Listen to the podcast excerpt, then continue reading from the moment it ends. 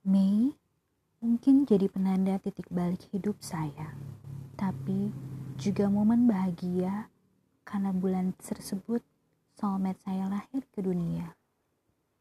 Tapi Mei tahun 2010, 2016, dan 2020 ternyata jadi momen saya berkali-kali harus menghadapi kenyataan bahwa ibu saya terkena penyakit hingga akhirnya meninggal dunia.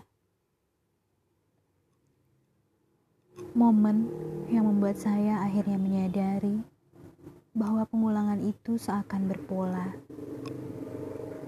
Saya hanyalah seorang manusia biasa yang sedang menjalani hari-hari berat sepeninggal ibu saya. Mei tahun ini, I'm officially orphan. Bukan sesuatu untuk dirayakan tentunya. Dalam prosesnya, saya masih tertatih menata puing-puing hati dan semangat.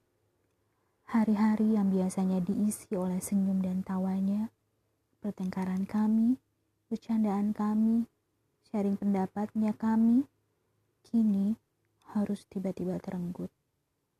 Ya, inilah saya, Revi, seorang yatim piatu yang sedang mencari kekuatan untuk kembali menjalani hari-hari seperti biasanya.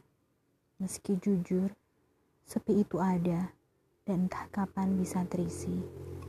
Podcast ini saya persembahkan untuk mengenang perjalanan saya dalam menyembuhkan luka batin, kekosongan hati, karena ditinggalkan oleh orang-orang.